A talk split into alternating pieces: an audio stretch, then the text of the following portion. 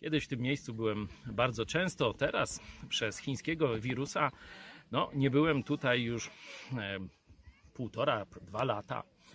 E, Warto sobie zdać sprawę, że mamy majówkę, piękne widoki moglibyśmy mieć. Wielu Polaków mogłoby wypocząć, e, też naprawić więzi z ludźmi, ze swoich bliskich, czy z dziećmi, czy z rodzinami, e, pobyć razem, a musieliśmy w większości siedzieć w domu. Dzięki Bogu i dobrym ludziom udało mi się tutaj przynajmniej na chwilę wpaść.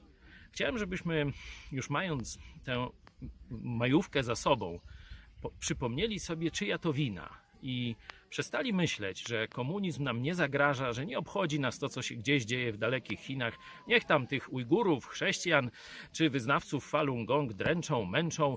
Przecież nam nic złego się nie dzieje.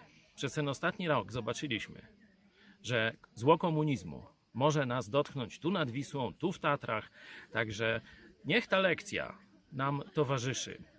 Nie myślmy, że zło gdzieś jest daleko i ono do nas nie dotrze. Jeśli ono gdzieś jest na ziemi, w końcu do nas dotrze.